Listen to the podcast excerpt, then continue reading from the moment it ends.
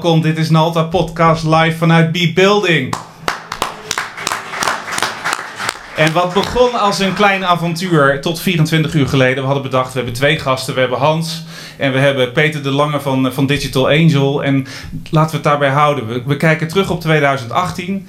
En dan hebben we een heel mooi jaar gehad. En dat sluiten we op een mooie manier af met Nalta Explores. Maar het liep anders. We hebben negen gasten. We hebben vier microfoons, schermen, camera's. Kosten nog moeite zijn gespaard. En we hebben ontzettend leuk publiek hier zitten.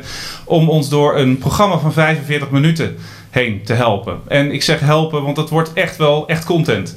We gaan het hebben over 2018. Dat doe ik samen met Rob en met Hans. We gaan doorkijken naar 2009. 10, dat doen we met Vincent Evers. We hebben een awardshow. En we blijven ook best wel heel lang stilstaan bij startups. Want daar zit een, echt wel een passie van ons. En dat doen we ook hier in B-Building. Het was een bijzonder jaar, 2018 mag ik wel zeggen. Uh, en we kwamen er als IT'ers denk ik niet altijd even goed vanaf. Facebook, datalekken, trollen, fake news, allemaal ellende veroorzaakt over de rug van IT.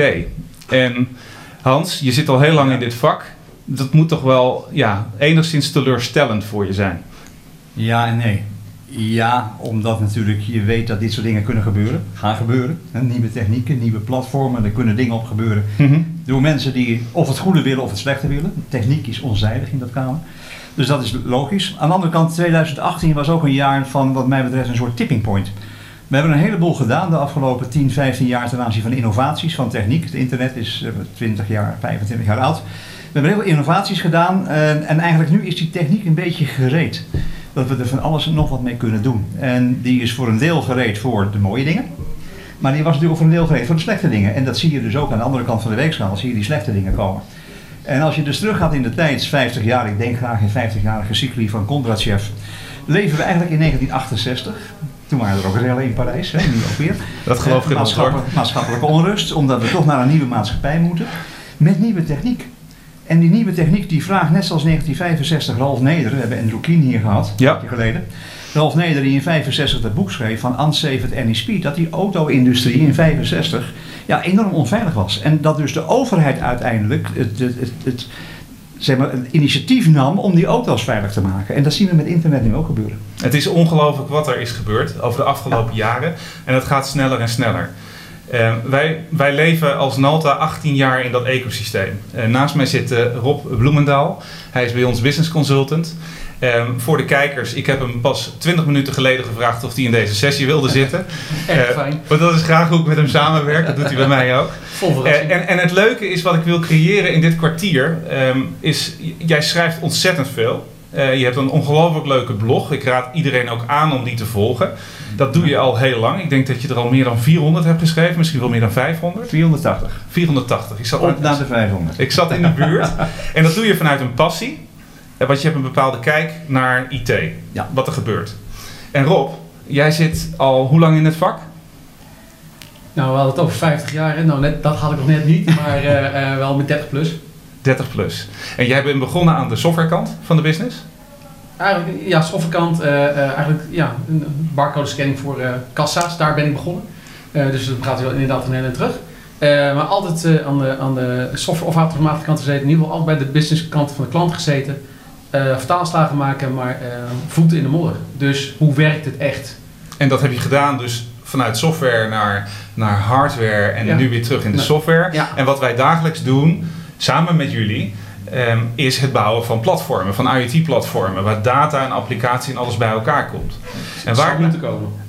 Waar het bij elkaar zouden moeten komen. En, ik, en ik opende zeg maar met dat, zeg maar dat statement dat, dat als we niet oppassen, wordt IT failliet verklaard. Ehm, door al die negatieve verhalen in de media. Ja, nou weet ik niet hoor. Als, als je gewoon goed strak kijkt, uh, wil ik niet zeggen, maar on, meer onder curatele gesteld. Ik denk dat dat een beter woord is. Mhm.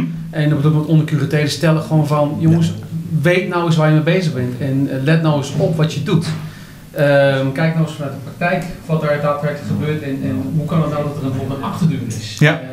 Uh, mensen gewoon veel alerter maken op het feit van, uh, kijk nou wat je doet en doe je dit nou wel goed. En ik denk dat vanuit de IT dat we uh, veel te makkelijk een technische oplossing kiezen, zonder dat de business impact daar goed van uh, aanschouwen of dat we het goed in kaart hebben. En daar moeten we met z'n allen gewoon veel scherp op zijn. Ja. Ga eens even terug naar de business case en, en waarschuw nou zo'n klant van, als je dit doet, let op, daar, naar daar kan fout gaan. Je moet eigenlijk, je, je, je staat met deze splitsing, je kan rechtsaf dood op de weg, of je gaat linksaf.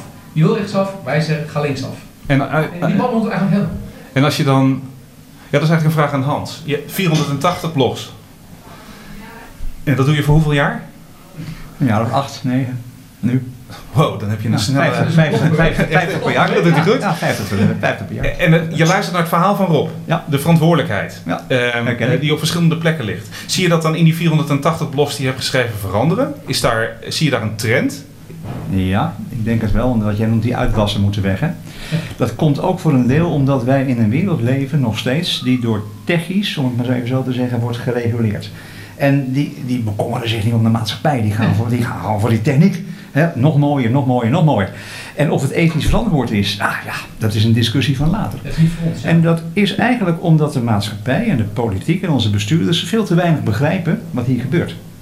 Die snappen dit niet. Echt, die staan mijlen ver weg. Ik zit soms bij raden van commissarissen, die ik dan spreek, toezichthouders voor raden van bestuur, die in feite risicomanagement moeten draaien op de raden van bestuur in bedrijven. En dan zeg je van, hoe zit het nou bij jullie met social media als er wat misgaat? En dan kijken ze, ja, ze, hoezo? Kan er dan wat misgaan? Wat ik ook zo'n mooi voorbeeld eraan vind is, is dat ze, ze hebben net eh, eh, de topman van Google, ter verantwoording bij de Ja, 11 december. Ja. En dan, dan zie je ze vragen stellen en denk bij mezelf, serieus? Weet jij wat je vraagt? Ja, wel, inderdaad, weet je wat je Maar hoe vraagt? komt dat dan? Nou, omdat ze daar gewoon niet de kennis hebben. En, en eigenlijk is het gewoon zo van, eh, dat, is, dat is waar we onszelf in de spiegel moeten kijken vanuit IT gezegd van, hoe zou nou zo'n senator kunnen ondersteunen Mhm. dat hij wel de juiste vraag stelt. Of dat hij de specialisten bij betrekt van, van eh, joh, eh, wij zitten hier met ons maag, help ons daarbij. In plaats van dat ze zelf maar verzonnen vragen gaan stellen die eigenlijk kan nog wal kraken. En dan moeten mensen ja, nee zeggen op een vraag die zo open is, dat je 360 kanten op kan. Maar, maar is dat niet tegelijkertijd heel makkelijk? Ehm, wij, ik zat, vorige week was ik op de radio. We waren bij NPO Soul en Jazz voor- vanwege een album Ja. wat we hebben gelanceerd. Superleuk gesprek. Ik werd werkelijk, eh, nou ik wil niet zeggen geroosterd door Cote de Kloet, maar hij was wel aan het doordrukken, zeg maar, waar zijn jullie nu mee bezig? Wat is nou IoT en wat is nou de impact voor, voor kinderen die met data te maken hebben? Die ging echt even de diepte in. En toen haalde ik als voorbeeld aan hoe slecht eigenlijk Facebook is. Ja. En, en, en dat kan niemand ontkennen.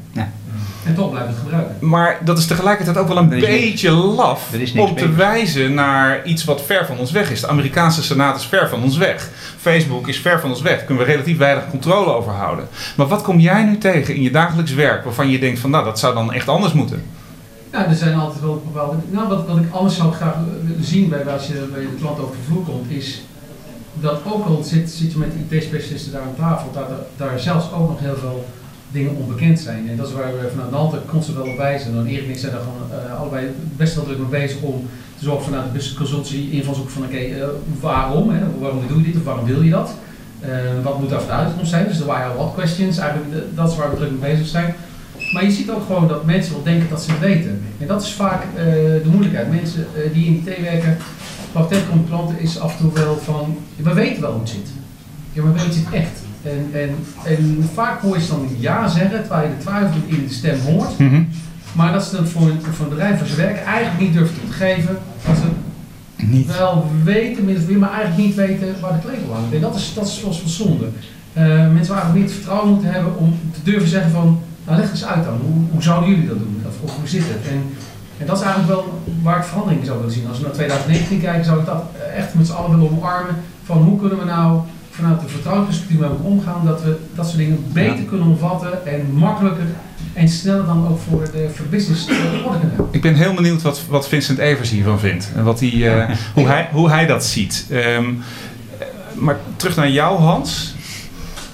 Eh, Resoneert dit? Is dit precies Ja. hoe jij dat ook ziet? Of heb je dan net een andere blik nog op? Nee, ik draai mee in een werkgroep van de CERN. en Dat gaat over ethische digitalisering bij de overheid. Met hele interessante discussies. Want die overheid die worstelt daar ook mee. Mag je als rechter zeggen, ik heb gewoon eh, een miljoen uitspraken hier in deze computer geanalyseerd. En er zit iemand voor mij en het systeem zegt dat 98,7% is hij schuldig. Willen wij als maatschappij dat een rechter zo'n kastje krijgt? Want dat kan. Maar dat willen we niet. En waarom Dus niet?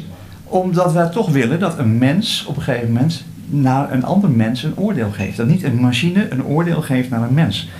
En dat dus de mens-mens-relatie daar moet blijven. Ondanks het feit dat we er een heleboel techniek omheen kunnen doen. Mhm. Enerzijds aan die achterkant, big data, analytics, een heleboel dingen die we kunnen analyseren hoe het zou kunnen gaan. Mhm. Aan de andere kant die edge, we zien precies wat er gebeurt in de wereld, op de seconde, de milliseconde wat er gebeurt. En toch moeten wij als mensen met elkaar die techniek gebruiken als hulpmiddel. Maar bezit je dan, eh, is jouw mening daarin een visie mainstream? Of, Nou, of, of wijk je daar af? Eh, Ik heb ooit in, ik heb bij de Stichting Toekomstbeelden Techniek gewerkt. Ik heb studies gedaan, verkennende studies gedaan in de jaren 80. Een boekje geschreven over productieautomatisering, industriële automatisering. Waarin ook, we toen al kennissystemen konden maken. En dat, dat is, in die tijd maakten we medische kennissystemen. Waarin dus een computer zei tegen een arts. Nou, als u deze symptomen ziet, dan kan het voor 60% dit zijn, 20% dat, 15% dat, 3% dat. En die arts die moest dan zeggen, nou ja, gezien de pijn, et cetera, denk ik toch dat het hier ergens in de elleboog zit. Terwijl als je dat aan een medisch eh, assistent zou geven, ja, die zou zeggen, nou, het hoogste in mijn zoekmachine, dat is het. En dat is het probleem. Die mens moet die techniek blijven gebruiken als een hulpmiddel. Zoals wij een microscoop gebruiken om iets te bekijken, wat heel klein is, wat ons oog niet kan zien. Hè? Maar wij gaan uiteindelijk wel beslissen wat we zien. En dat geldt voor die computer en het algoritme ook. En die kunnen ons helpen om een heleboel dingen te zien. Maar wij moeten uiteindelijk beslissen, dit is hoe wij denken dat het zit. En dan mag je ook een fouten maken, dat maakt niet aan, maar dan maak je als mens de fout. Maar dan, dan triggert bij mij toch een vraag. Want we zijn allemaal een beetje organisch in die IT terechtgekomen. Ja. Ehm, voor, voor de jeugd is dat anders. Die worden geconfronteerd met wat is. En die gaan dat gebruiken Ja. alsof het de normaalste zaak van de wereld is. Ehm, ehm, wat ik nu probeer te verwoorden, ik weet niet eens of ik daar zelf achter sta of niet. Eh, het is meer een gevoel. Wij zijn daar ingerold. Eh, ik begon ooit met een MSX. Jij hebt me ooit een keer een mail gestuurd met alle apparaten, alle computers die je ooit gehad had. Met het jaartal erbij. Ik weet niet hoeveel het er waren, maar het waren er wel. Nou, het begon met een software-defined mainframe. Hè? Het waren er veel. Maar, maar- maar, wij hebben dat een beetje geleerd. We zijn gewe- gewend om ons aan te passen. En we zijn nu waar we staan. Eh, moeten we kinderen leren om met die computers om te gaan dan? Mo- moeten we eh, mensen die die affiniteit niet hebben, die niet in die IT zitten, leren hoe ze dan met die computer om moeten gaan? Als de stelling is, De basics. wij moeten leren hoe we ze moeten gebruiken. De basics. Mijn oma die heeft vroeger fietsles gekregen. Want die had in de jeugd nooit leren fietsen. Daar moest ik als kind heel erg om lachen. Oh, maar fietsles, dat leer je toch vanzelf. Hè, later toen de telefoon kwam, hè, mijn grootouders hadden problemen met een telefoon. Want die begrepen dat niet helemaal precies. Terwijl wij als jongeren daar gewoon mee omgingen. Hè, dus ik denk dat het vanzelfsprekend is. Maar je moet wel de basis kunnen uitleggen. En je moet wel de gevaren kunnen uitleggen. En je moet zeg maar, de omgeving kunnen uitleggen waarbinnen je dat gebruidt. Ja, dat is natuurlijk wel gevaarlijk, Hans. Want, want waar je, waar, eh, de jeugd nu groeit natuurlijk heel anders op met IT en de hulp die er doorheen zitten dan Precies. wij gedaan hebben. Eh, wij bouwen de machine learning, wij bouwen de artificial intelligence. Zij krijgen het. En daar zit natuurlijk wel een, een, grens. Hè. Dus, dus toen wij eh, de games begonnen te bouwen, eh, was het vanuit interesse wat is allemaal mogelijk technisch en hoe kunnen we het doen. Ja. Eh, was het niet zo'n hele grote industrie, was het nu verwacht dat het zo'n grote industrie zou worden. Nu draait alles om de games. Ehm, en de jeugd tegenwoordig, die zijn drie jaar en die zitten met het iPad en eh, hij doet het niet als op een scherm zitten die niet eh, kan inzoomen. Dat doen ze zelfs met tv. Ja, Ja, ja, ja. precies, ja. Hij doet het niet. Dus, dus die, eh die groeien hem op. Dus die, voor hun is een heel eh, normaal om tegen de, telefoon, tegen de televisie te zeggen, Google geef me mijn favoriete programma. Ja. En vind strek als het niet werkt. Ehm, dus wat ze niet weten, is dat op de achtergrond allemaal gebeurt aan personificatie, dingen die Google allemaal van mij weet. Daar, waar een stukje artificial intelligence overheen gaat, van nou, eh, joh, je kijkt altijd dat, maar je moet eigenlijk deze kijken, deze is nog leuker voor je. Eh, maar we worden dus verwend. Maar we weten niet altijd de consequenties wat erachter zit. Maar ze groeien er wel mee op. Ehm, dus eh, waar ik best wel bang voor ben, is dat je een grote tweesplitsing krijgt tussen mensen die gebruiken en niet weten wat ze eigenlijk overkomt, tussen mensen die daadwerkelijk weten wat er gebeurt. En dan gaan we eigenlijk weer terug naar het begin van het gesprek. Waar zitten de goedwillende mensen en waar zitten de kwaadwillende mensen? Want al die algoritmes maken we ook zelf. Dus de goedwillenden zullen de goede algoritmes bouwen en de kwaadwillenden. Ja, maar dan kom ik weer Dus- terug. Dus weer een... Dan kom ik weer terug eigenlijk op dat punt van de overheid zijn wij. Hè? Ja. De maatschappij, hè? wij hebben een maatschappij en met elkaar hebben wij besloten dat we iets nodig hebben om in die maatschappij regels te maken. Juist. Dat noemen we een overheid. Ja. En die overheid die moet dus nu in gang gezet worden Dat door ons, hè, door ons Ja. en dan moeten wij in gang zetten. Ja. Dat die dus inderdaad een stuk wetgeving, regulering gaat maken, educatie gaat maken, waarin we deze gevaren zeg maar, proberen te verminderen.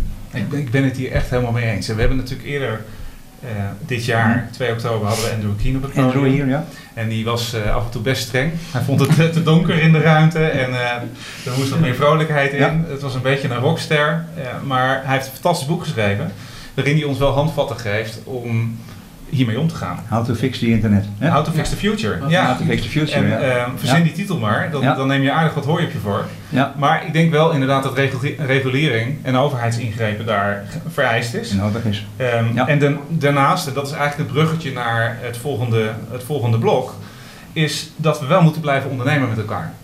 Uh, en vaak zien Niet we overheid, overheid als een soort van rem op op ondernemen. Nou, het verhaal van Andrew Keen vertelt ons eigenlijk dat dat helemaal niet waar hoeft te zijn. Um, maar het is wel leuk dat we in het volgende blok een paar echte ondernemers hebben zitten. We gaan het hebben over start-ups. En um, ik wil jullie bedanken. Hans, ik wil jou bedanken voor afgelopen jaar. Heel veel goede verhalen. Heel veel innovatie komend jaar weer. En uh, lekker dingen. We gaan lekker door. Ik ben Tom Koeneman van Cloud Garden. En wij maken sensorsystemen om gebouwen te maken. Ik ben uh, Ronald Gerards, ik ben uh, CTO van het mooie bedrijf UCrowd. Mijn naam is uh, Linda Grotebrecht. Ik ben van de start-up.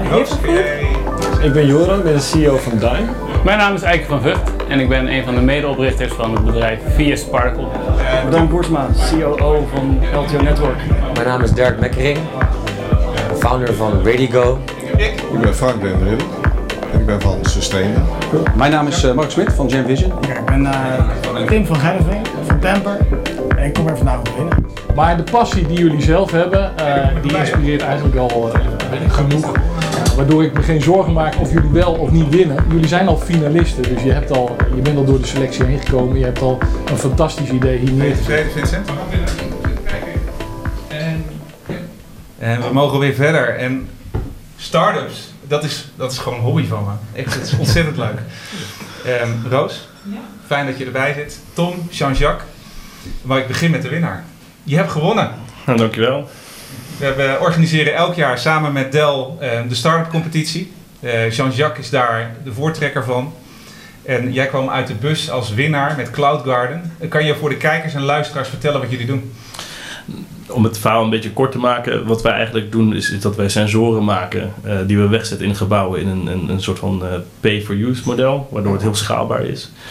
En dat, die data gebruiken wij om gebouwen efficiënter te laten opereren. We hebben nu de overheid komt uh, met, met een wetgeving die eigenlijk vraagt om een energielabel C over, over de hele linie van gebouwen. Mm -hmm. En er wordt een ontzettende impuls natuurlijk om, voor, voor bedrijven om daar meer over na te gaan denken. En, en wat wij doen is dat wij onafhankelijk van de techniek die al draait, kunnen wij data creëren die die techniek kan helpen om uh, de problemen op te lossen. Dus, het is core IoT, ik hoor sensoren, ik hoor een platform, Zeker. ik hoor uh, toepassingsgebied. Niet iedereen is volop met IoT nog bezig. Kan, kan, je iets fijnmaziger vertellen wat je doet? En meer vanuit het voorbeeld. Nou, als je het nu even vertaalt naar een heel praktisch voorbeeld. Ik vraag wel eens mensen aan, uh, als het over gebouwen gaat. Hè, de, draag je een zwembroek in de zomer? Dan zeggen mensen ja. Uh, draag je een zwembroek in de winter? Dan zeggen mensen nee, natuurlijk niet. Dan vraag je ze van nou, waarom is het protocol in het gebouw dan wel hetzelfde in, het winter, in de winter en in de zomer? Ja. En, en waarom uh, is het nog steeds hetzelfde na 30 jaar? En, en, dan kom je in een interessante discussie. Ja, nou, dat weten we eigenlijk niet. En, en, en, dat is eigenlijk een beetje de, de, de, de, de tendentie die wil doorbreken. En je ziet dat de, de niet-tech-markten nog vrij verkokerd in bepaalde patronen zitten. En ik denk dat, dat, dat techbedrijven heel goed kunnen helpen ook om, om die, die uh, zonder te, dis, te disrupten, zeg maar, uh, die markt vooruit te helpen. Mm -hmm. En ik denk dat die samenwerking uh, veel gaat betekenen in de development van de markt in, in brede zin. En waarom is Dell hierbij betrokken, zeg je? Ja, Dell, Dell, de naam Dell zegt eigenlijk al, de ondernemer Michael Dell is, is vanuit zijn uh, dormroom, zijn studentenkamer begonnen met, met, met ondernemen en heeft nu een multibillion dollar company. En dat DNA hebben we in ons bedrijf. En dat willen we eigenlijk ja, dat, dat willen we stimuleren. En dat betekent dat we dat intern doen met onze medewerkers. Maar dat we het ook proberen met partners, klanten en start-ups. En Cloud Garden is een mooi voorbeeld, denk ik, van een fantastische winnaar. die ja, die op het gebied van innovatie onze klanten, ons netwerk van klanten en partners verder kan helpen. En, en dat is ook het idee achter eh, de start-up competitie. Om te zorgen dat wij uh, start-ups stimuleren, maar ook in contact brengen met, met onze uh, brede klantenkring. En dan zitten we bij Big Building. Ja, daar zitten we. Hebben jullie ook iets met start-ups? Nou, goede vraag. Nee, we, zijn, uh, we noemen onszelf, we zijn ook het grootste start-up ecosysteem van Europa. Uh, niet alleen in oppervlakte, maar ook aan de aantal bedrijven en de variatie aan bedrijven die hier zitten. Met name tech gerelateerd, maar -hmm. ook wel die mooie samenkomst juist van de niet-tech met de wel-tech bedrijven. Uh, maar een hele mooie variatie aan, uh, aan start-ups. Maar we faciliteren niet alleen ruimtes, maar ook proberen ze te helpen te linken aan corporates om, of investeerders om geld op te halen bijvoorbeeld. Dus we faciliteren heel veel, niet alleen ruimtes. En om daar een beetje gevoel bij te krijgen bij de getallen, over hoe, hoeveel start-ups zitten hier? Ongeveer, we hebben 214 kantoren. Mm -hmm. uh, maar dat is niet uh, het aantal start-ups of scale-ups. Maar we hebben ook heel veel coworkers die ook met een groepje cluster werken in uh, onze coworkspace. Mm -hmm. We hebben ongeveer 3000 members in de community. Ja. Ongelooflijk. Ja. ja, wij zitten zelf hier nu twee jaar, vanaf begin vorig jaar. Ik sprak gisteren Vincent en die zei tegen mij, Vincent Wevers, die zei, nou ik kom veel vaker in dan jij. Nou dacht ik niet, we zitten er. Ja. Kijk, hier in, de, in onze kas. En het is voor ons fantastisch om hier te werken. De, de, de overweging om hier te komen, we reizen veel. We zijn uh, dit jaar naar South by Southwest geweest, daar gaan we het straks uh, denk ik zeker nog even over hebben. Um, we zijn vorig jaar naar de CES geweest met een, uh, met een missie samen met Startup Delta, die toen nog buren bij ons waren. Ja. En wij kwamen terug, helemaal energized. En we hadden echt zoiets van, en nu? En nu? Ja. We hebben eigen start-ups, waarvan Datumbricker de bekendste is. Um, maar we willen die energie die we ook in Silicon Valley vonden en die we op Eureka Park vonden ja. uh, uh, op 6. En toen zijn we hier gaan kijken. En bleek uh, dat er een enorme wachtlijst is. Klopt. Um, en dat die er nog steeds is. Zeker. Was en is. Ja. En we hebben gewoon heel veel geluk gehad dat we hier zitten. En op zich, het gaat niet eens zozeer om de locatie zelf, die super tof is. Want we zitten daadwerkelijk in een kas in een gebouw. Dat is, dat is, nou, ik verzin dat niet. We zien veel gekkigheid, maar die had ik nog niet bedacht. En als je ziet wat er hier aan bedrijven zit en wat voor energie hier hangt en hoe dat met elkaar samenwerkt, dat is echt ongelooflijk leuk. Ja. En dan spreek ik Tom en vraag of jij hier uh, wil komen voor de podcast. Uh, uh, dat was dan ons gekke idee van, van de week. En dan zeg ik, ja, maar wij doen al wat met die. Ja, we hebben vroeger, we hebben een samenwerking gehad met Healthy Workers eigenlijk van sinds het begin toen waar Guus van Meulen, Meulendijk van Bio ook uh, in, in zat als co-founder. We hebben veel gesprek gehad. We zijn hier veel geweest vroeger en uh, ik geloof dat die ook nog wat sensoren van ons hangen. Uh, in deze kast? Nou, niet in deze kast, maar wel in dit gebouw. Maar dan maak ik me zorgen. maar um, ja, je ziet dat iedereen wel bij Bier langs is geweest. ik, ik ben zelfs een keer met een delegatie vanuit Zwolle, waar wij zitten. zijn we met de gemeente zijn we hier gekomen en iedereen in de bus in en allemaal. Uh, en het is wel grappig hoe, hoe, dat toch een beetje een impuls heeft gecreëerd voor überhaupt start-up uh, erkenning in, in, in Nederland in brede zin. En had jij um, uh, op je netvlies dat Dell actief was en is in dat ecosysteem, dat start-up ecosysteem? Nee, en ik had het net met een collega van je erover, of van jullie erover, dat, dat, dat, dat, dat is eigenlijk pas gebeurd toen, toen ik Dell op mijn beursstand had bij de Innovation Expo en toen we geselecteerd waren voor de, de, de, de, de, de competitie. Ja. Uh, want daarvoor zitten veel bedrijven zoals IBM en zo, die ken ik al wel heel goed. Uh, ja. Maar ik, ik, vind het leuk om te zien dat Dell hier nu ook in stapt, omdat ik als, als techie uh, vooral de chips interessant vind hè, en de hardware zijn. Ik denk dat de hardwarebedrijven straks in brede zin een hele grote rol gaan spelen in die markt. Voor ons, zeg maar, werken, we werken al heel lang samen met Dell.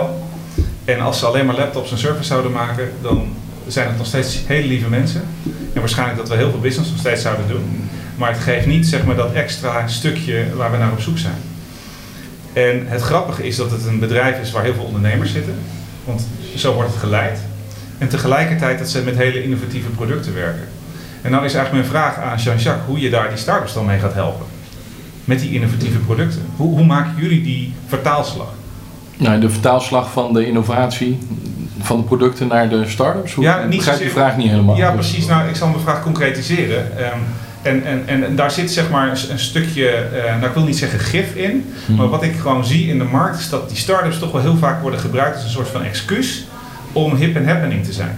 Ja. Dus eh, er zijn enorm veel evenementen, eh, start-up, scale-up evenementen. En dan worden er eh, 10, 15 start-ups naar binnen gevlogen. op, een, op een evenement van een bank of van een IT-bedrijf of weet ik veel wat. En als het event voorbij is, dan is het klaar. Ik neem aan dat, Ja. je, dat, dat, dat, dat, dat je dat ziet gebeuren. Ja, Mijn- nee, nee, nee. en mijn vraag is dus, Ja. ik proef dat het daadwerkelijk de intrinsieke motivatie is om die startups te willen helpen. Dus dat het niet een Ja, is, maar dat er daadwerkelijk iets achter zit. En wat is dat dan? Ja, dat, dat- absoluut. En Ik denk dat wij, eh, eh, en, en misschien is dat wel de reden waarom het misschien iets minder bekend is, dat, eh, dat wij die start-up competitie organiseren. Als je kijkt naar de winnaar van vorig jaar, Expivi, en Babak Mijar hebben wij heel erg begeleid en, en geholpen eh, eh, om, om zijn, ehm, ja, zijn business te ontwikkelen, meedenken. Eh, we hebben hem naar de Verenigde Staten gebracht. En, en het zijn niet mijn woorden, want dat klinkt een beetje misschien arrogant van eh, Dell heeft het gedaan.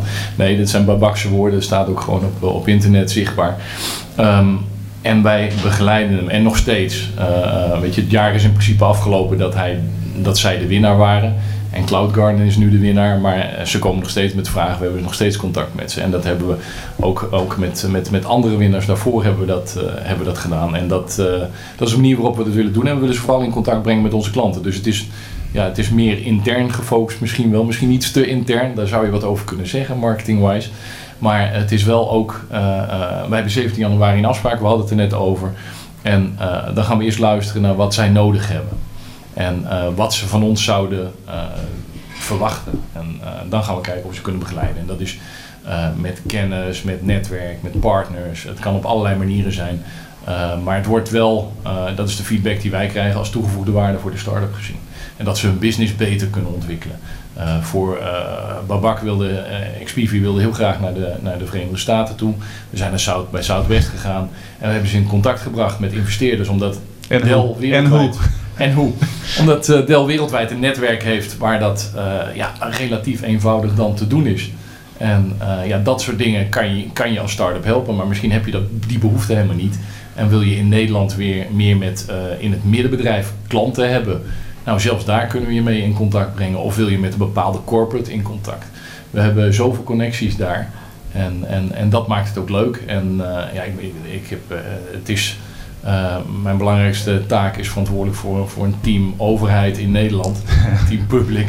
En, en dit is de soort van bij, maar dit is wel heel leuk. En, en, en, en, en ja, ook wel, eh, je, je krijgt er weer wat voor terug, enthousiasme. En je ziet dat, die, dat de bedrijven, de start-ups, dat die er verder mee komen. Ik wil toch even terug naar toen ik zei en hoe net. Want we bedachten we gaan naar South by Southwest. Heel eerlijk, een van de redenen waarom ik dat wilde is het leek me wel tof om naar South by Southwest te gaan. Dat moet je niet vertellen binnen het bedrijf bij ons. Ehm, dat is een goed bewaard geheim, maar dat leek mij wel tof. En eh, Digital Angel, eh, we gaan eh, daar zo meteen met Peter praten, die hadden ook die ambitie, we willen daar ook heen. En IT is eigenlijk in de basis, ik zeg dat vaker, een heel creatief vak. Het, is, het wordt soms weggezet als, als saaiig en gasten met cola en, en, en pizza's na vijven. Maar het is een ontzettend creatief vak, want je bent de hele dag bezig met het oplossen van problemen van nu en van later. En dat doen we met IT-tooling.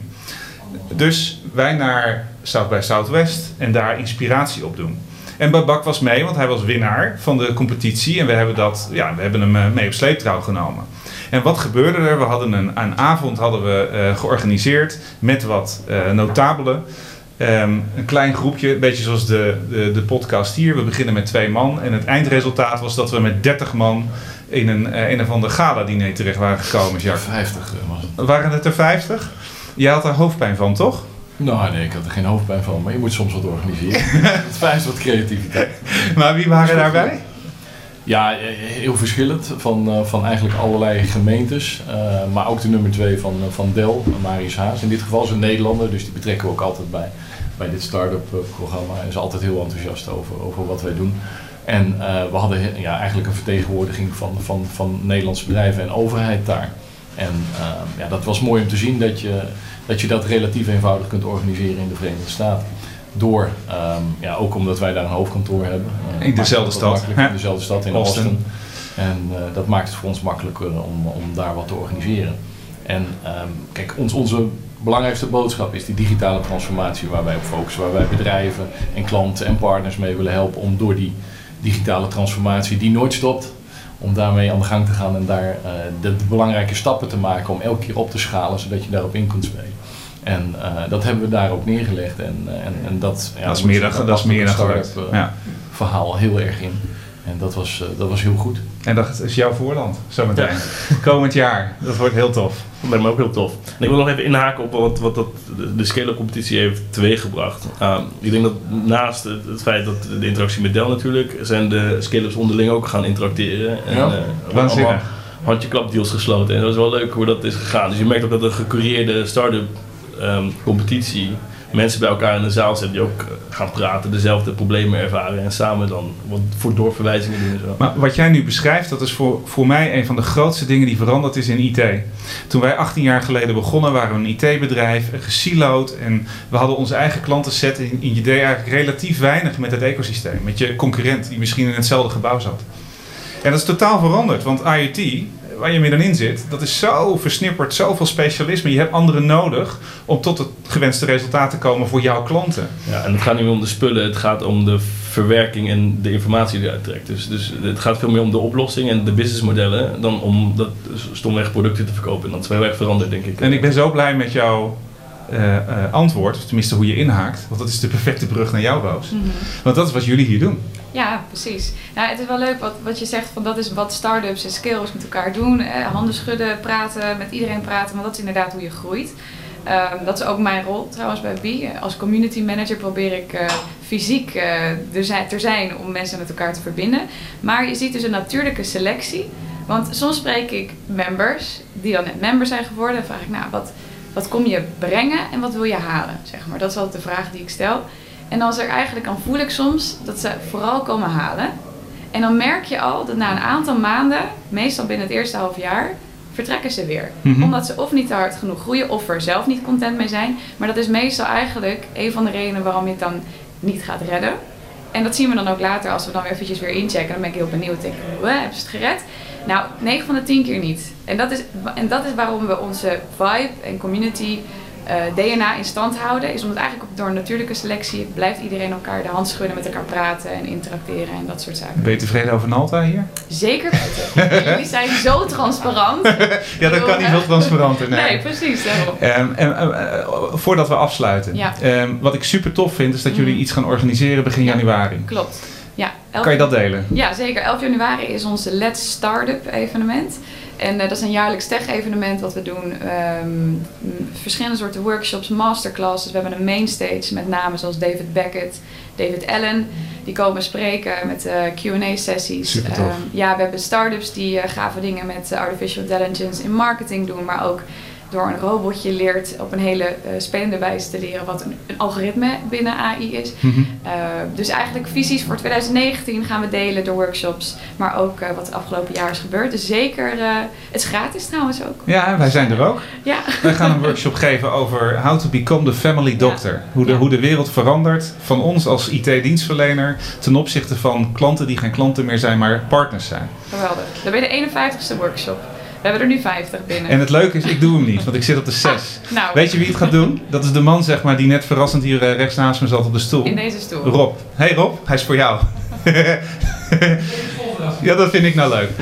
Nou, we gaan een brug maken naar uh, uh, wat ik eigenlijk wel ook een heel leuk onderwerp vind. En dat zijn awards. Uh, we hebben er dit jaar zelf twee gewonnen. Een Technology Award van Dell. En we hebben een Marketing Award gewonnen. En dat is wel, vind ik wel heel grappig. Dat had ik twee jaar geleden zeker niet gedacht. Ja, meer dan verdiend, want uh, onder andere door dit soort dingen heb je, heb je dat gewonnen. Dus, uh, ja, dankjewel. Maar het is ook gewoon, ja, dankjewel. Dankjewel. Um, ja, en dan vinden wij het ook wel leuk om een awards uit te delen. Dus dat gaan we in het, uh, in het volgende blokje doen. Het kerstblokje awards show. Spannend.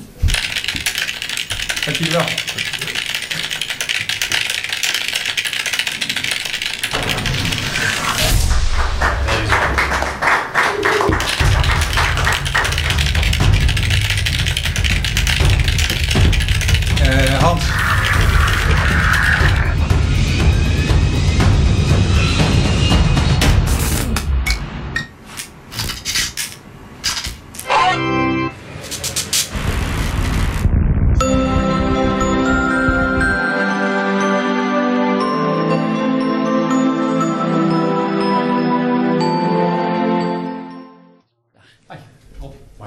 Awardshow. Ja, Hans. Leuk dat je er bent. Dankjewel. en Rob, leuk dat je Ja, er bent. ook weer, ja. En, en, en Rob, ik ga met jou beginnen. Je gaat geen award krijgen. Nou, het was leuk jongens. Maar ik heb, ik heb, ik heb even iemand nodig die mij hierbij helpt. En dan, En- ben ik dan de guinea pig? Nou, Ehm, nou ja, goed. Je, je bent altijd een gewillig slachtoffer. Ehm, Je komt als je Zo jammer dit weer. Ja, maar ja, het is- de reden waarom ik vaak op kantoor ben. Het is- weer duidelijk. Het is waar, het is waar. Nee, alle gekheid op een stokje. We willen eigenlijk iemand heel erg in het zonnetje zetten. Maar eh, wij zitten in het donker en hij zit echt in het zonnetje. Dus dat, dat, dat kon niet veranderen. Nee. En eh, we hebben een award voor hem bedacht. We hadden, vorig jaar hadden we de Innovatie Award. Dat is de eerste award die we hebben uitgedeeld aan eh, partijen in ons ecosysteem. En degene die hem heeft gewonnen, die staat daar met zijn, eh met zijn reindeerjas heel erg druk te praten. Dat is eh, Jan van het Klooster. Die won, de innova- Ja, ja. die won de Innovatie Award vorig jaar. En hij is eh, super gaan vloggen. Hij heeft een mooie trui aan, hè? Ja, we krijgen hem zo meteen nog wel even in beeld. Heeft hij. Ja, dat is Ja. verschrikkelijk. Ehm, maar dit, wel, moet ik zeggen. Ja, ja. Ja, hey, Kom maar even zitten. joh, gaan we gewoon Ja. zitten dan, Jan. Ga maar zitten. Kan er nou maar bij. Hij heeft de, Jan heeft de beste trui van het hele event vandaag. Ja, Dus, ja, eh, ja, absoluut. Ja. Ja, intelligente trui ook nog.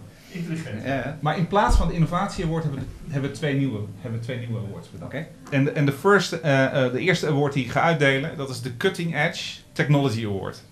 Ik, ik heb hem zelf bedacht, eh, die naam. Cutting Edge. Maar ik heb hem, ik heb hem Nou, opgeschreven. heel nieuwsgierig. Misschien Ja. als we hem een paar keer herhalen.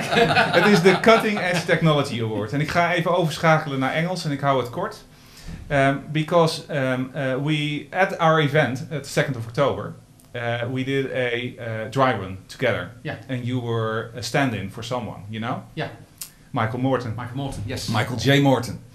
Um, Die and- Michael J. Morton. The Michael Die, J. ja, Morton. And Michael was extremely important for us this year. He's the CTO of Dell Boomi. He's a Dell Fellow.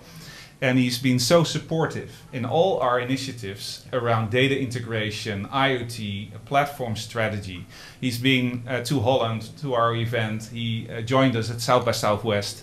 Uh, we supported him at the Boomi events in London and in Vegas. Uh, but most of all, he's a fantastic guy, and we thought it would be very cool to give him the Cutting Edge Technology Award. So, this one is for Michael. So you're Michael now. So I feel, feel, Michael, I feel very privileged. I'm flying to Reading to hand over personally. Mike didn't know that, but that's that's inclusive now. So, um, but here you go, Michael. Michael, it's yours. Michael. Thank you very much. And then we got a second award, and that's the No Nonsense Knowledge Award. We, we came up with this title as well. You have to read that a couple of times as well. And it's not for you, Michael, so I'll switch back to, uh, to Dutch. Um, hij is voor jou, Hans. Nee. We hebben ongelooflijk van je genoten dit jaar. Eh, van je blogs, van je inzet, van je passie, van je verhalen. Van je verhalen die soms Leuk. wel wat lang duren. Ja. Je, je bent lang van stof. Ah, je moet soms goed uitleggen. Toch? Nee, maar fantastisch. En we noemen hem niet voor niets No Nonsense Knowledge Maar je Award. weet waar de CTO voor staat, hè? Oh, vertel. Chief Talking Officer. Oh jee, my god. my god. Dat- nu valt alles op zijn plek. Maar de No Nonsense Knowledge Award. De kennis die zit erin, dat zit er al jaren in. Het is fantastisch hoe je dat weet te vertellen naar dagelijkse praktijk in verhaalvorm. Op een no-nonsense manier. En we namens Nalta Ja. deze beker. Mike, dankjewel. Zeer vereerd. Dat is echt, echt heel leuk. Leuk om te krijgen, leuk om met jullie ook bezig te zijn, want eh, ja, dat no-nonsense zit ook bij jullie. Hè? Dus dat no-nonsense is eerder een, een award die jullie geven, hè? en ik vind het leuk om te krijgen, maar die no-nonsense zit ook in jullie bedrijf. Dankjewel. Dankjewel. Kijk eens. Ja, en toen, toen zaten we een beetje te brainstormen met het team. En nu kom jij eh, aan, eh, aan bod, eh, Mike. Met M-A-I-K. Ik zal Zo is het. Ehm, want wij, ja, elk jaar wil je wat doen voor je klanten Eh, en partners. En waarom doe je dat? Omdat je eh, daar je bestaansrecht voor een groot deel uit eh, afleidt. Ehm, eh, wij, wij, Jan, wij hebben dit jaar heel veel gevlogd over klantreizen en klantoptimalisatie en alles wat daarbij komt kijken. Ehm, en daar wil je uiteindelijk, als je een dienst hebt geleverd, wil je de klant daar ook voor bedanken. En op de een of andere manier is de kersttijd of eh, de, de, de Happy New Year eh, tijd het uitgelezen moment om als bedrijf dat te doen. En dat deden we eigenlijk alle jaren eh, met een fles wijn. Dan gingen we langs en dan gaven we wat leuks. En ehm, bij ons stond die fles wijn wel ter discussie. Niet dat we tegen alcohol zijn, dat, eh, ehm, maar hij stond wel ter, ter discussie. Ehm, eh, er waren wat stemmen die zeiden van misschien moeten we voor alcoholvrije wijn gaan. Nou, dat heb ik eh, geprobeerd samen met Vincent en dat was zeker geen succes. dat is echt verschrikkelijk. Neem dan de Little uh, druivensap of al die druivensap, weet ik wat, maar geen alcoholvrije wijn. Deze is voor jou, Ralf. Ehm, en toen, wat, toen kwam we op een gegeven moment het idee van ja, maar wat wij jaren geleden hebben gedaan, daar hadden we een goed doel. En dat is eigenlijk veel leuker, want het budget wat we dan hebben voor flessen wijn, die stoppen we in een goed doel. En dan, dan komt het op een goede manier terecht. En toen kregen we discussie, welk goed doel? En toen waren er wat knappe koppen bij ons die zeiden we gaan een enquête organiseren. We gaan een enquête organiseren onder het personeel, onder de mensen waarmee we dagelijks werken. Het grappige is, als je bij ons een mail uitstuurt, bijvoorbeeld als ik een videootje heb gemaakt, krijg ik van één, twee mensen krijg antwoord. nou, daar hoef ik het niet voor te doen. Als ik, nee, dat hoeft niet. Maar toen ze die enquête uitstuurden, was in één keer, ik geloof drie vierde had gereageerd binnen een dag, omdat het ze raakte. En wat zo tof is, jullie zijn gekozen. En mijn vraag aan jou is, wat doen jullie? Wij verzorgen gratis zeilvakanties voor chronische kinderen. Dus kinderen die echt ziek zijn. Heel veel met kanker in hun hoofd, heel vaak terminaal, stofwisselingsziektes. Die nemen wij mee een week op zeilen. In Nederland, op klippers huren we. Waanzinnig. Dat kost ongeveer 10.000 euro per week. En we nemen ze gratis mee. Als ze te jong zijn, nemen we een auto's mee, een broertje en een zusje. Fantastisch, hè? En als ze puberleeftijd hebben, nemen we ze alleen mee. En dat doen we op basis van alleen maar vrijwilligers. En dan gaan we lekker een beetje zeilen. En het mooie van zeilen is, op het moment dat je op een boot stapt, laat je je zorgen varen. Dus heel even zijn ze geen patiënt meer. Mhm. Dan zijn ze gewoon weer kind en hebben ze plezier. En omdat ze met lot, lotgenoten zijn, hoeven ze ook niet te zeggen hoe erg het leven is. Dan weten ze van elkaar. Weten ze van Ja. En waarom ben je dit Mooi, gaan doen? man. Mooi hè? Ik ben het gaan doen omdat ik, ik was manager in een ziekenhuis. In een kinderziekenhuis, het Sophia Kinderziekenhuis. En een van de oprichters van Selling Kids werkte daar. En die zei, je bent wel manager en je gaat alleen maar over geld. Maar je moet dus met me mee. Want je moet eens kijken wat die patiënten buiten het ziekenhuis meemaken. En hoe ze anders zijn. Want ik stuurde alleen maar over productie en over geld. En dat moet goedkoper en er moet bezuinigingen. En, en ze zei, je moet eens kijken wat die kinderen meemaken buiten het ziekenhuis. Ze blijven patiënten op een hele andere manier. Ga nou een keer mee.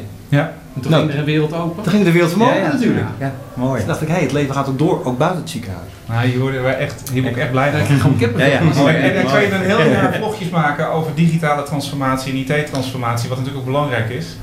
Maar uiteindelijk gaat het om die mens. En dat hebben we echt tig keer proberen te raken dit jaar in ja, de interviews die we hebben gedaan. Dat is soms best lastig. Want het blijft afstandelijk. Ja. En wat jij echt doet, daar kunnen we alleen maar mateloos veel respect voor hebben. Dus ehm, niet anders dan... ja, Vincent geeft dan een aanwijzing. Maar volgens mij lig ik, hou ik me redelijk aan het script. is deze voor jou? Dat is onze bijdrage aan eh, gelukkige kinderen. En ehm, eh, we zijn gewoon ook heel erg nieuwsgierig ehm, eh, hoe ze dit gaan vinden. Dus eh, als je het niet erg vindt, ga ik ergens komend jaar eh, wil ik je graag interviewen. Ja, tuurlijk. Om te laten zien hoe dat in de praktijk werkt. Ja, super. Wat ook ontzettend leuk is voor jullie is ook om... We doneren het geld, we koppelen het aan een tocht. Dat jullie ook gewoon komen. Oké.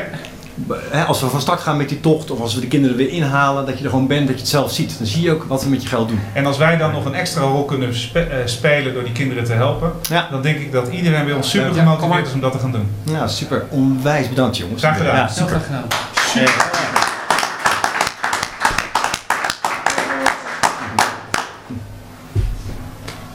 It's about chemistry, I think. It's about people, it's about willingness, and it's about a two way street. So you have headless devices or basically dumb devices now that are designed to do one thing. You know, just gather information from point A and send it to point B. Maar hoe ga je dat doen? Want het is best complex. En eh, ja, en de rol van ons is om dat natuurlijk juist heel makkelijk te maken. Dat is ook altijd waar we beginnen, bij de mens. En vervolgens vanuit de mens vertalen we dat terug naar de techniek. Dan hebben wij een taak die een uur of vier kan duren. Die hebben we weten te vereenvoudigen naar een minuut of vijf. Tuurlijk, we meten feedback van zowel medewerkers als klanten. En eh, die data die, eh, zetten we om in eh, real-time inzichten voor de klant. En als de oplossing bekend is, dan wordt het polis. Dan moet het daarna ook weer eh, zo digitaal mogelijk naar ons bedrijf laten. Digital transformation is here. It is a business imperative. If you want to go on a journey of digital transformation, we're ready as one company right here, right now.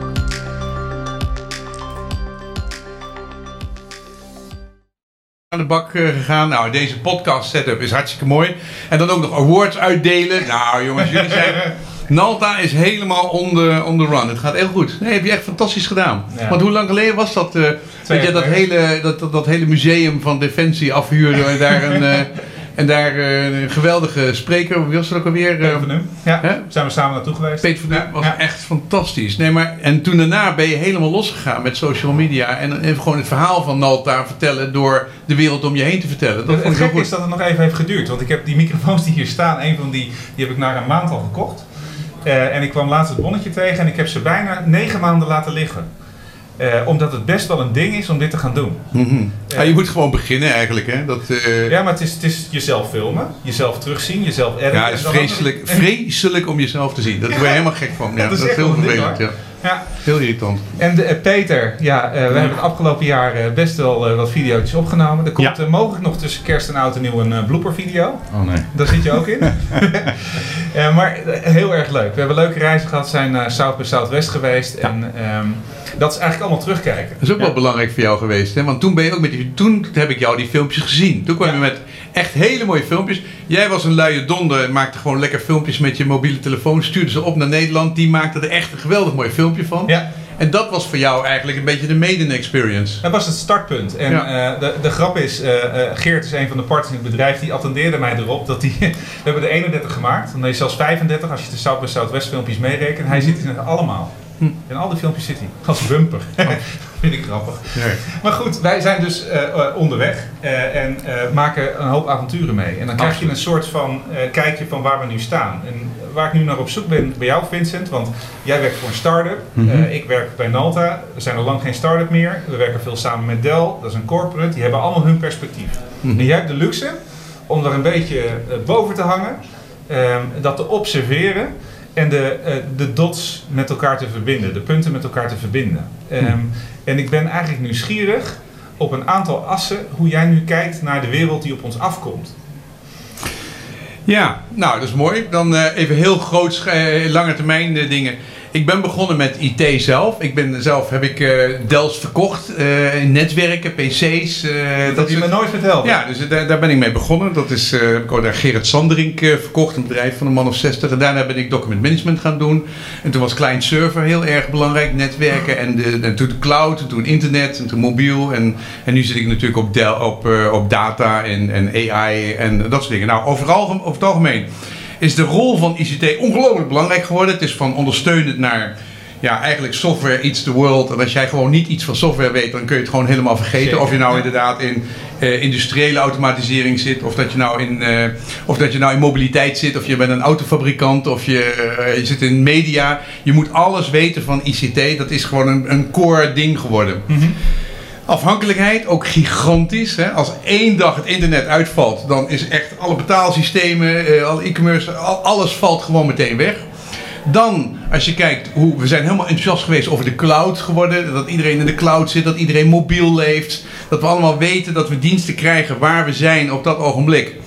En hebben we vorig jaar, hebben we daar, het jaar daarvoor hebben we eigenlijk met Trump hebben gezien dat eh, die openheid en dat alles kan tracken en tracen, dat dat echt ook heel gevaarlijk is. En dat eigenlijk ook trends die er al heel erg eh, lang zijn van eh, fake news en, eh, en, en propaganda en non-informatie, dat dat nu keihard gewoon op een ongelofelijke enge manier naar voren komt. Nou, daar hebben we vorig jaar de gevolgen van gezien. En dit jaar denk ik dat, volgend jaar denk ik dat we daar eh, enorme regulatie gaan krijgen. Dat mensen zeggen, hé, hey, het is zo belangrijk. Nu willen we het ook gewoon op, in de publieke ruimte goed regelen. We willen weten, zeker weten, dat, ehm, dat, dat, dat, we, dat we onze democratie niet gaan opofferen aan die openheid. Maar dat vind ik spannend, want eh, dan heb ik jou naast me zitten. Ja. Eh, ik opende door je te introduceren als Peter, eh, Managing Director, Digital Angel. Maar dan niet alle kijkers, luisteraars zullen snappen waar, waar jij mee bezig bent dagelijks. Dat klopt. K- kan je dat in een paar zinnen uitleggen? Ja, ik kan maar een hele mooie pitch doen die ik in eh, heb gedaan. Wat wij doen is wij... Dat was 30 seconden. dus Dat was dat- 30 seconden, dat is te lang. Eh, wat wij doen, wij connecteren slimme hulpmiddelen eh, gebruikt in de zorg eh, aan een platform. En de data die deze producten genereren, die ja, verbouwen we tot informatie.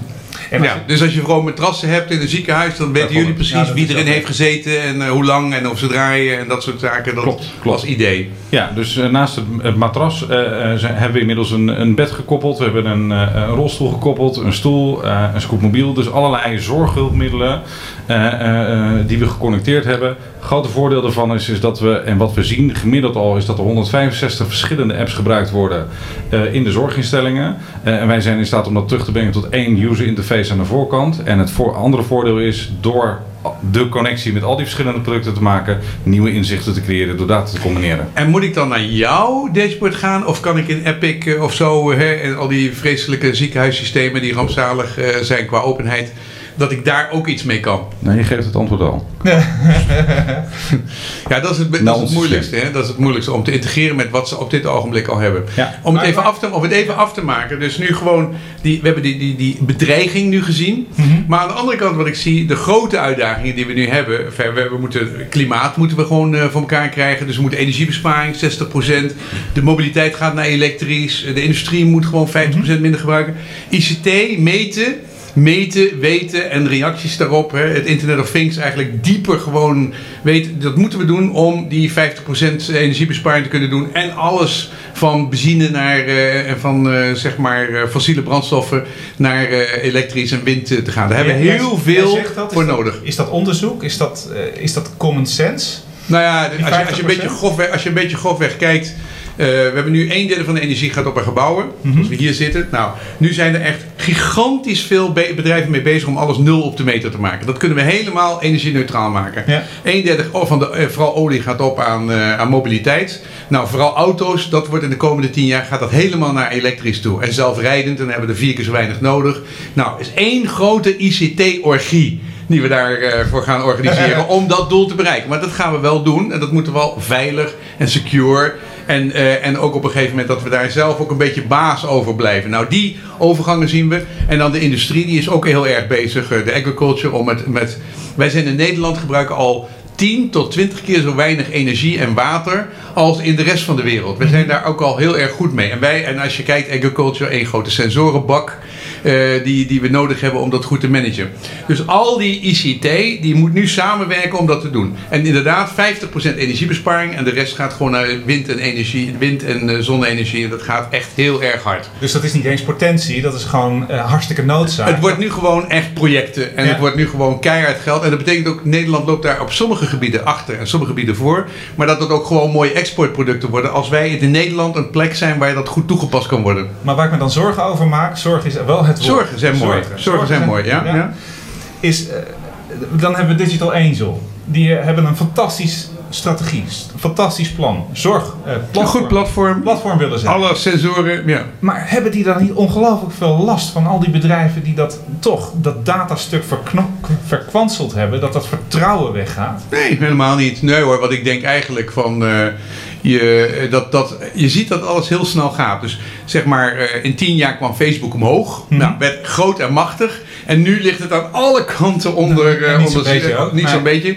En dan hebben ze nog eventueel WhatsApp en, en zeg maar Instagram. Ja. Want, want Facebook, daar zijn echt de Amerikanen helemaal klaar mee. Die, die, die, die, die krijgen ook volgend jaar ongelooflijk veel regelgeving over zich heen. Dus het gaat ook weer snel naar beneden. Mhm.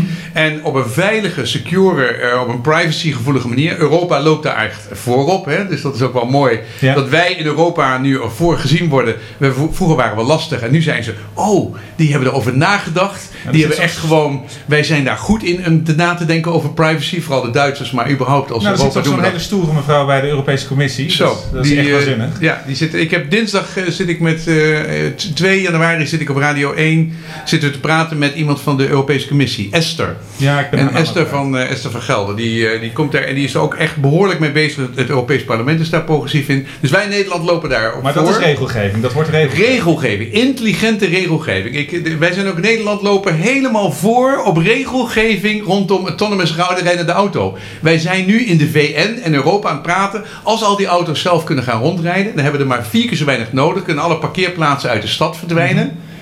En wij denken daarover na. Wij zijn daar leidend in het denken. Dus dat is ook mooi. Maar remt dat? Remt nee, dat dan? Goede, goede regelgeving, een intelligente goede regelgeving is super belangrijk. Maar Peter heeft er last van. Ach, Ja, ja, maar goed, Hoe kijk, dan? hallo, hij zit in de zorg. Dat is ongeveer, weet je wel, als je, de zorg is een van de allermoeilijkste plekken Nou, in de maar- hele wereld om in te zitten qua regelgeving. Maar daar, daar, daar moet het ook gebeuren en daar maar- moet het ook flexibel veranderen. Nou ja, wat je ziet dus in, in, eh, met name in Nederland ook is, is we zijn als, als platform zijn we medical device. Eh, we gaan 2020 over naar medical eh, device regulations. Ja. Als je kijkt wat voor onduidelijkheid er op dit moment nog is, daar moeten nog best wel wat stappen voor gemaakt worden. Maar Peter, op het moment dat jij het kan, heb jij een major competitive advantage. Absoluut. Ja? En dan als jij dan ook inderdaad, het is als dingen moeilijk zijn, met Epic integreren, als je dat eenmaal hebt gedaan, hè, dan, dan ben je ook gewoon, dan ben je ook spekkoper. En het is ook wel, het, het- je hebt ook gezien, veiligheid, security en privacy is nou eenmaal iets dat is gewoon moeilijk, maar je moet het wel doen, anders heb je gewoon een puinzooi. Maar het is geen overreactie. Nee, tot nu toe, als je kijkt toch in de ICT, wij zijn toch niet veel gereguleerd. Kom op. We hebben eigenlijk, hoe vaak heb jij nou als Nalta last gehad van regulering? Nou ja, Ja, je bent nu 20 jaar, je bent 20 jaar oud. Normaal als een kind begint, dan, hè, ik heb mijn zoon bij me, dan, word je, dan krijgt hij allemaal regels over zich heen. Hoeveel regels heb jij nou over je heen gekregen met Nalta in de afgelopen 20 ik, jaar? Ik, moet zeggen, ik heb mazzel, Vincent. Niet. Ik, ik heb de leukste Niet. job bij Nalta. Ik reis, ik Nee, maak nee, veel... Ik, nee. Maar de ICT-sector als überhaupt heeft als- het als makkelijk ik deze gehad. vraag zou stellen, eh, Ja. als we kijken naar GDPR, ik zie daar eh, Erik Mulder staan. Ja. Eh, wij hoefden echt 20 jaar geleden geen security officer aan te wijzen. Of iemand die informatie. Eh, Nee, eh, dus we hebben er is. 20 jaar hebben we er een zooitje van kunnen maken. We hebben aan alle kanten Nou, gelekt. en precies wat ik 80% van alle websites van Nederland kun je binnen 20 minuten kun je op de server zitten en alles ermee doen. Ja, maar dat is Wij precies- maken er ja. een zooitje van. We hebben echt het zelf. Die zelfregulatie is een joke. Wij hebben goede, strenge, rechtvaardige, maar wel intelligente toezichthouders nodig. Ja, over, over dat stuk eh, ben ik het niet mee oneens. Ik, eh, ik denk ook dat dat een belangrijk thema was in het event wat we hebben gedaan rondom IoT.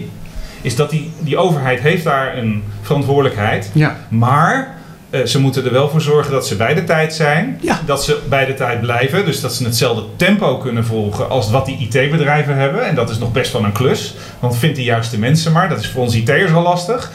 Ehm, en ik vind vooral dat je moet zorgen, we hadden net start-ups aan tafel en eh, jullie als start-up, dus dat innoverend vermogen niet de kop indrukt. Ja, maar even, we hadden net Hans. Hè? Je bent een bewonderaar van Hans. Die heeft een prijs gekregen, Timmermans. En zei, wat zei hij? Hij zei de auto-industrie.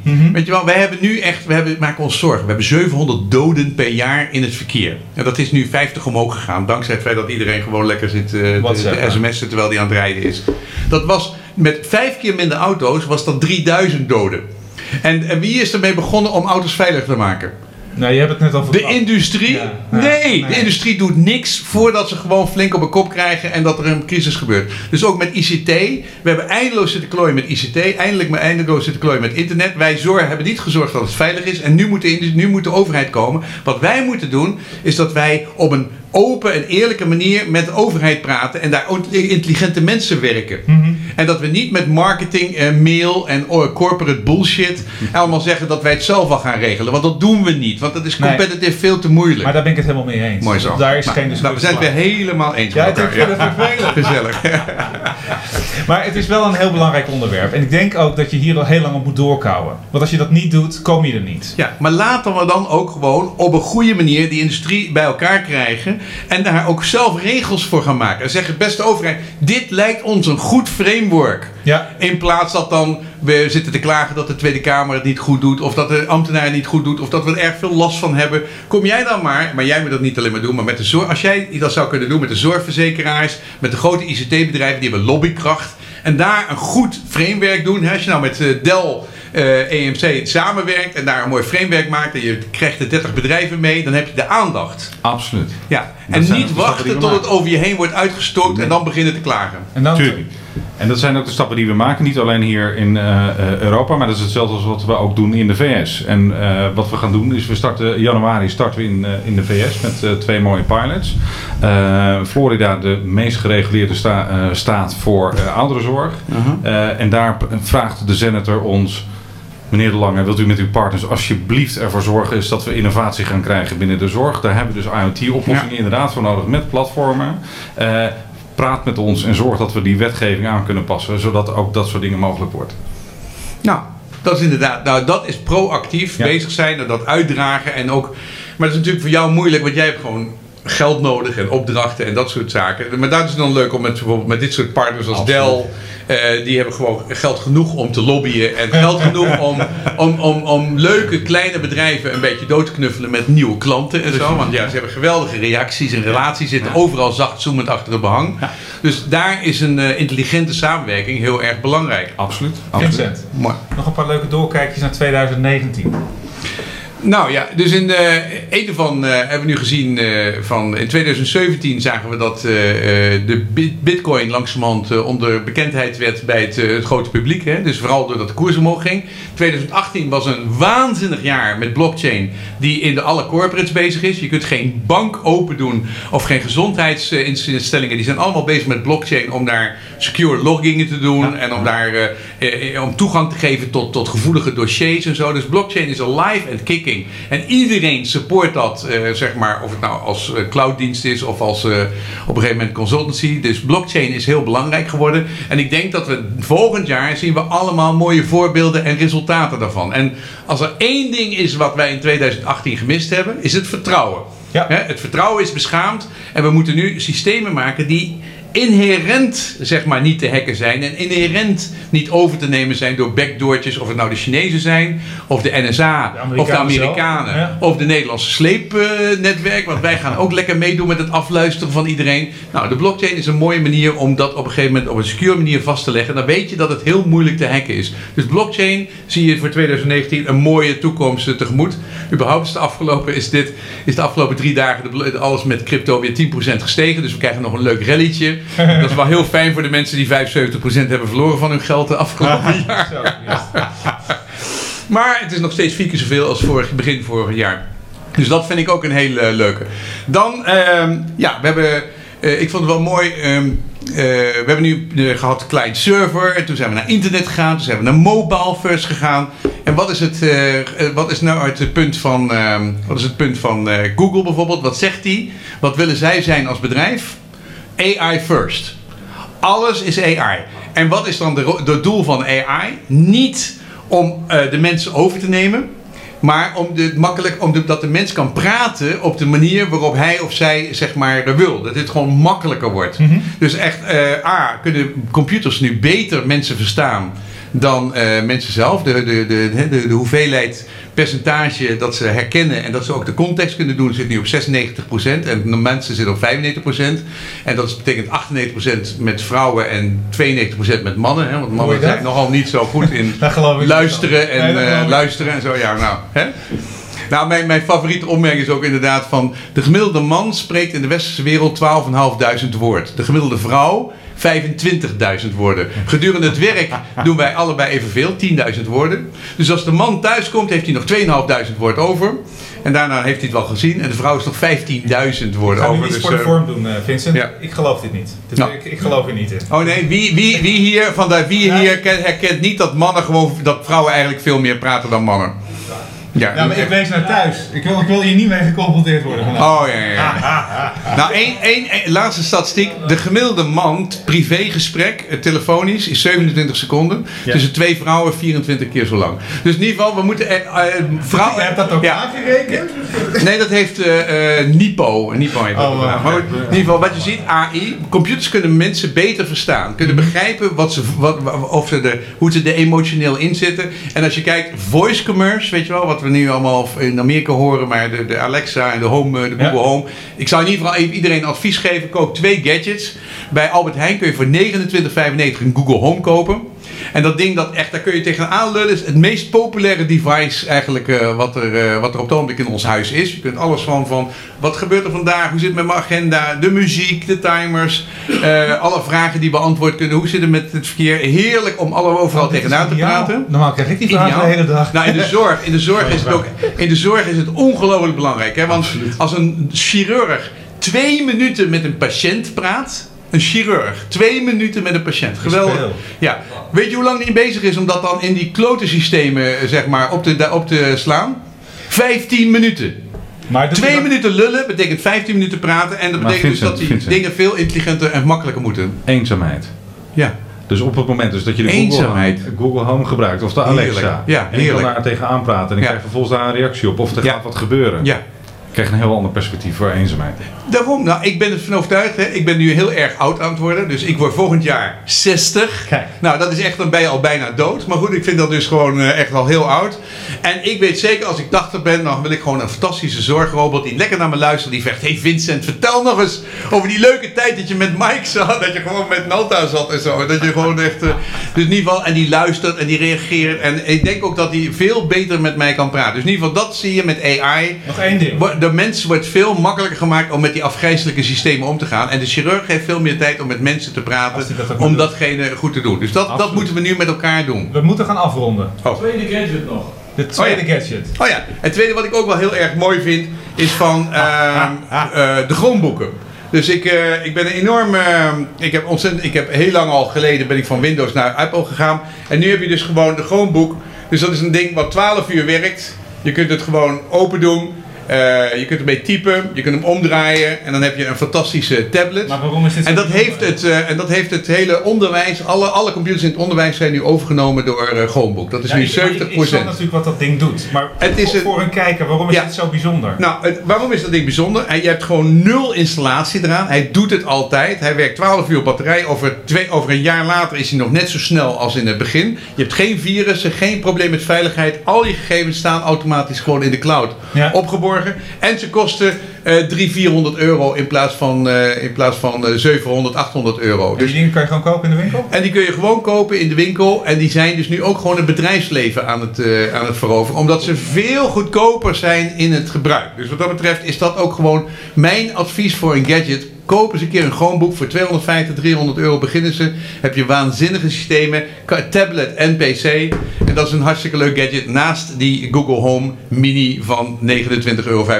Dankjewel Vincent. Dankjewel Peter. En dat ik dit mag meemaken, gewoon een podcast van meer dan een uur.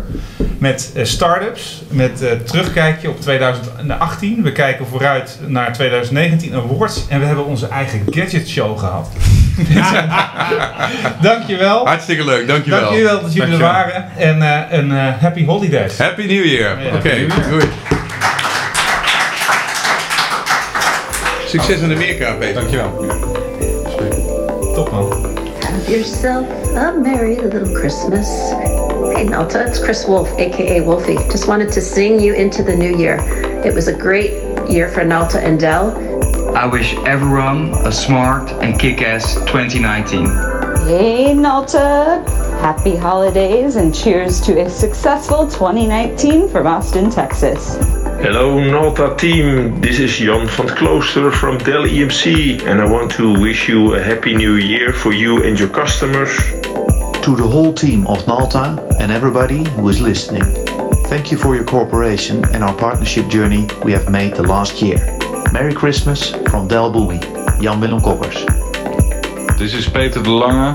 On behalf of the Digital Angel team, I wish you a Merry Christmas with all your friends and family and a very great and beautiful, successful 2019. Keep on dreaming and a wonderful new year. Happy New Year! Happy New Year! Wow, sending in best wishes through a spoken WhatsApp message. If that is not digital transformation, I don't know what is. Ho ho ho ho. Anyway, I wish all listeners very warm and caring holidays and a lovely new year. Let's help each other to make 2019 an unforgettable experience. Stefan Ingram Micro. Dear Nalta, Merry Christmas and a Happy New Year! Ciao from the Venture Capital Association and Olga. I wish you total inspiration next year because without it, any investments or software won't bring you satisfaction and happiness. Merry Christmas and Happy New Year. Hello Nalta, Happy New Year and a great continuation of our successful partnership in 2019. Hans Timmerman. Congratulations on rocking the Boomi world. And thanks for all the support you gave to me and my team as we got started with IoT bundles. Look forward to teaming with you in the new year. Enjoy the holiday. Happy holidays, Nalta. This is Michael Morton, CTO of Dell Boomi. Thanks for being a great Dell Technologies and Boomi partner. I can't wait to see how you'll connect people through device data in 2019.